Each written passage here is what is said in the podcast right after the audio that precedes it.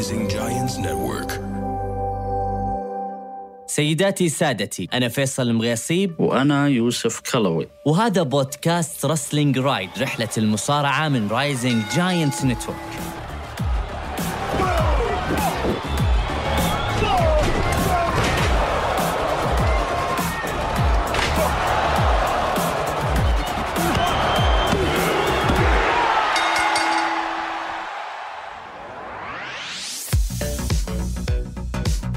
أهلا وسهلا بكم محبي Rising Giants Network ومستمعي رحلة المصارعة Wrestling Ride أنا اليوم فيصل المغيصيب وحداني أبغى أتكلم عن نتائج WWE Clash of Champions هذا الحدث اللي أوفى بوعوده.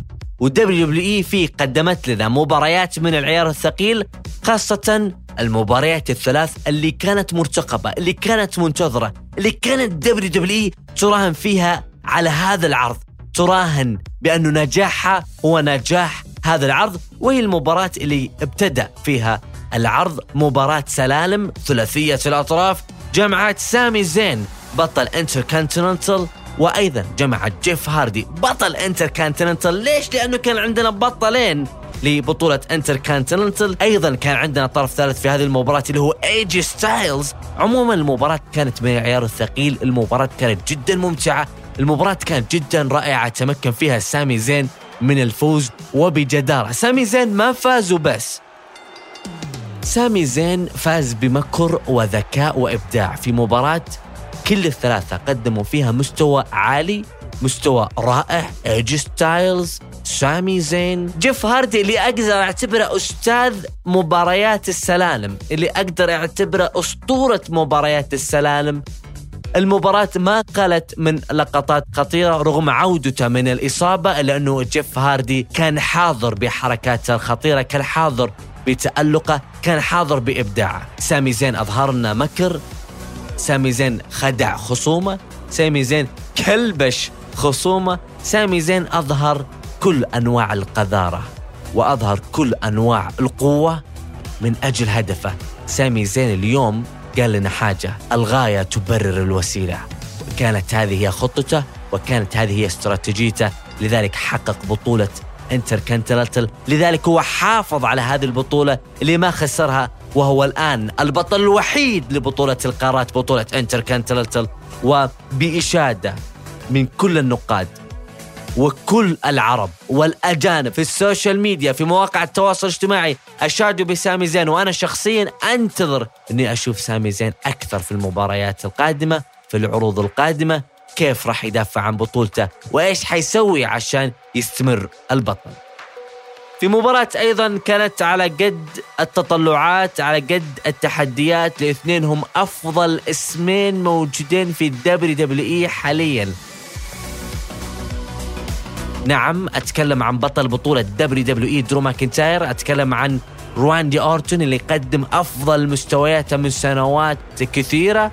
راندي اورتون في قمة مستوياته تتكلم عن آه، كمجسد لشخصيته الحالية الشخصيه الشريره الشخصيه آه، الأسطورة ك legend killer as greatest wrestler ever بعد ما هزم ايدج بعد ما أقصى نجوم كثر عموما. راندي اورتون لو أتكلم عنه من الآن إلى آه، فترة ممكن أجلس ساعات عشان أشيد بمستوياته الرهيبة في الفترة الماضية. واجه درو ماكنتاير بطل بطولة دبليو دبليو درو ماكنتاير اللي قدم مستويات أيضا رائعة. آه، في الفترة الماضية شال عرض Monday Night Raw على كتافه أثبت بأنه هو بالفعل الرجل المختار بالفعل The Chosen One وأنه هو بطل حقيقي. هذه المباراة كانت تعني له الكثير درو ماكنتاير أنه يؤكد بأنه هو بطل دبليو لكي يؤكد بأنه هو من يستحق آه هذا المكان من يستحق أن يبقى أيضا في هذا المكان. وبالنسبة لي الأداء اللي قدمه في هذه المباراة اكد لي بأن هذا الرجل ما زال عنده الكثير بأن هذا الرجل درو ماكنتاير سيبقى حامل بطولة دبليو دبليو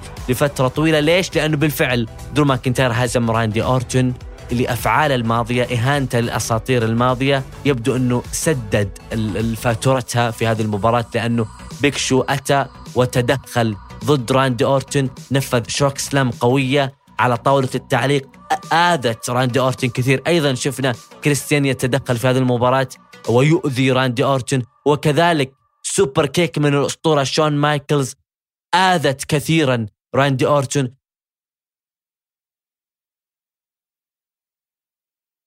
أيضا شفنا ريك فلير يقود سيارة الإسعاف حاملا معه راندي أورتن إلى المستشفى بعد ما درو ماكنتاير دخل لسيارة الإسعاف وسكر البابين وهي الطريقة الوحيدة للفوز في هذه المباراة اللي ما كان فيها التثبيت يعطيك فوز أو الاستسلام بل الطريقة الوحيدة إنك أنت تدخل خصمك سيارة اسعاف وتسكر كل البابين. درو ماكنتاير قدم مباراة رائعة. هذه المباراة شفنا فيها RKO شفنا فيها Claymore. هذه الحركتين القاضية الخاصة بالنجمين درو ماكنتاير وراندي أورتن اللي ما شفناها في SummerSlam شفناها في Clash of Champions مباراة عشرة على عشرة. مباراة رائعة. أنا بالنسبة لي توقعاتي للمستقبل ورؤيتي للمستقبل بأنه في العرض الجاي زنزانة الجحيم. حنشوف مباراة أخيرة تجمع راندي أورتون ضد درو ماكنتاير. قد يقول البعض بأنه يا فيصل خلاص كثير. لكن أنا طماع. الاثنين قدموا لي قصة جميلة قصة رائعة. أسبوع بعد أسبوع في Monday Night Raw أنا حاب الشيء اللي يسوونه. أبغى أسمع راندي أورتون إيش إيش إيش حيقول عن خصمه. درو ماكنتاير إيش حيقول عن خصمه. أيضا الاثنين آه، كلهم آذوا بعض بي بي بشكل كبير. يعني ما كان في limit في هذه العداوة ما كان في حدود. ليش ما أشوفهم يلعبون في زنزانة الجحيم لا أبغى أشوفهم زيادة وزيادة لأني ما زلت عطشان ما زلت أبغى أشوفهم مرة أخرى يتنافسون على بطولة دبليو دبليو إي مرة أخرى. نقول ها راندي أورتن يجيب بطولة رقم 14 بطولة دبليو رقم 14 ولا لا؟ ليه؟ لأنه يعني المميز حقيقة في هذه العداوة أنه كل مباراة كانوا يلعبونها كانت التوقعات 50 50 وهذا شيء جدا ممتاز والصراحة يعني في الآونة الأخيرة في التواجد ال social media بالغالب الناس تقدر تتوقع نتائج المباريات لأنه صار في وعي عالي والناس لأنها تتكلم مع بعض وتحلل أحداث. صار صعب على دبليو دبليو إنها تعطيك نتائج غير متوقعة لكن في قصة راندي أورتون ودرو ماكنتاير بالفعل كانت نتائج غير متوقعة. نجي لمباراة الحدث الرئيسي رومان رينز أمام جاي أوسو cousin versus cousin ابن عم ضد ابن عم big dog versus underdog الكلب الكبير أو زعيم العصابة أمام الرجل المستضعف.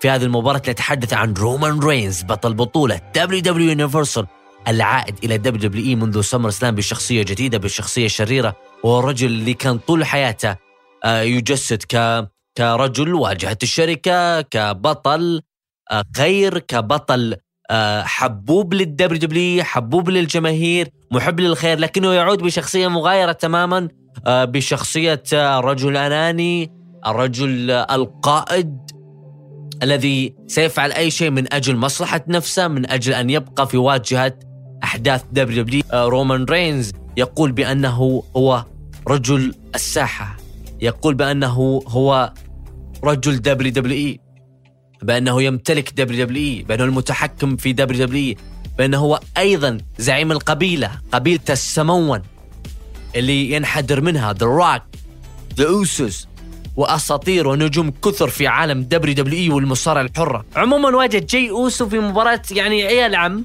المباراة كان رومان رينز حقيقة مسيطر عليها 100% أبدع فيها. جاي أوسو كان يحاول. محاولته الصراحه كانت حلوة. القصة كانت طاغية على هذه المباراة. رومان رينز نفذ spear حركة القاضية بدل ما يفوز ويحسم المباراة.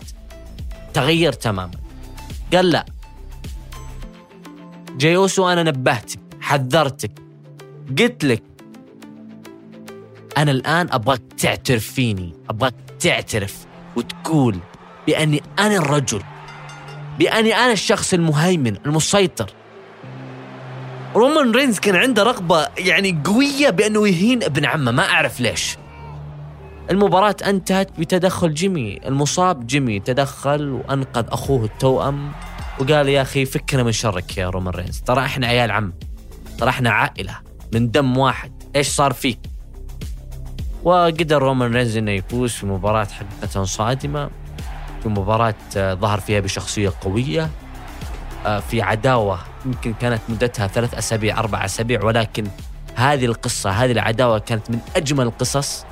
الموجودة في سماك داون وفي دبليو دبليو إي لأنها أظهرت وعرفتنا أكثر على شخصية رومان رينز الجديدة. أقدر أقول إنه في نهاية الامر شكرا لدبليو دبليو إي آه، على هذا الحدث الجميل. ثلاث مباريات راهنوا عليها قالوا إنه هي حتكون مباريات العرض والجمهور تكلم عنها بكل شغف الكل سعيد كان بالنتائج سعيد وراضي متحمس مبسوط أنا شخصيا كذلك صح إنه في ناس كانوا يبغون يفوز راندي اورتون ويحصل على بطولة رقم 14 لكن فوز أيضا درو ماكنتاير كان فوز مقنع. عموما خلوني قبل ما أنهي البودكاست أذكر بنتائج المباريات الأخرى. في ال kick off قدر سيزارو وشينسكي ناكامورا يحافظون على بطولة فرق سماك داون بعد هزيمة لوتشا هاوس بارتي في مباراة أقيمت في ال kick off قبل العرض الرئيسي. أما في العرض الرئيسي سامي زين هزم جيف هاردي وإيجي ستايلز وحقق بطولة انتر كانتينلتل في مباراة ladder match أو كما يسمى مباراة سلالم.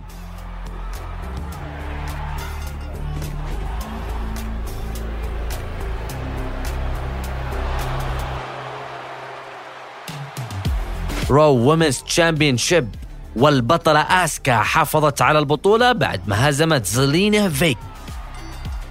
على بطولة United States Champion بوبي لاشلي يهزم أبولو كروز وعلى بطولة فرق Monday Night Raw قدر The Street Profits يحافظون على بطولة الفرق ويهزمون أندرادي وأنجل جارزا ساشا بانكس تهاجم بيلي في مباراة أمام أسكا. ليش؟ لأنه نيكي كروس مريضة تعبانة ما قدرت تحضر هذه المباراة. الأبرز هنا هو هجوم ساشا بانكس على بيلي بعد ما بيلي غدرت في صديقتها الفترة الماضية. تحاول ساشا أن تنتقم وهذه هي بداية الانتقام.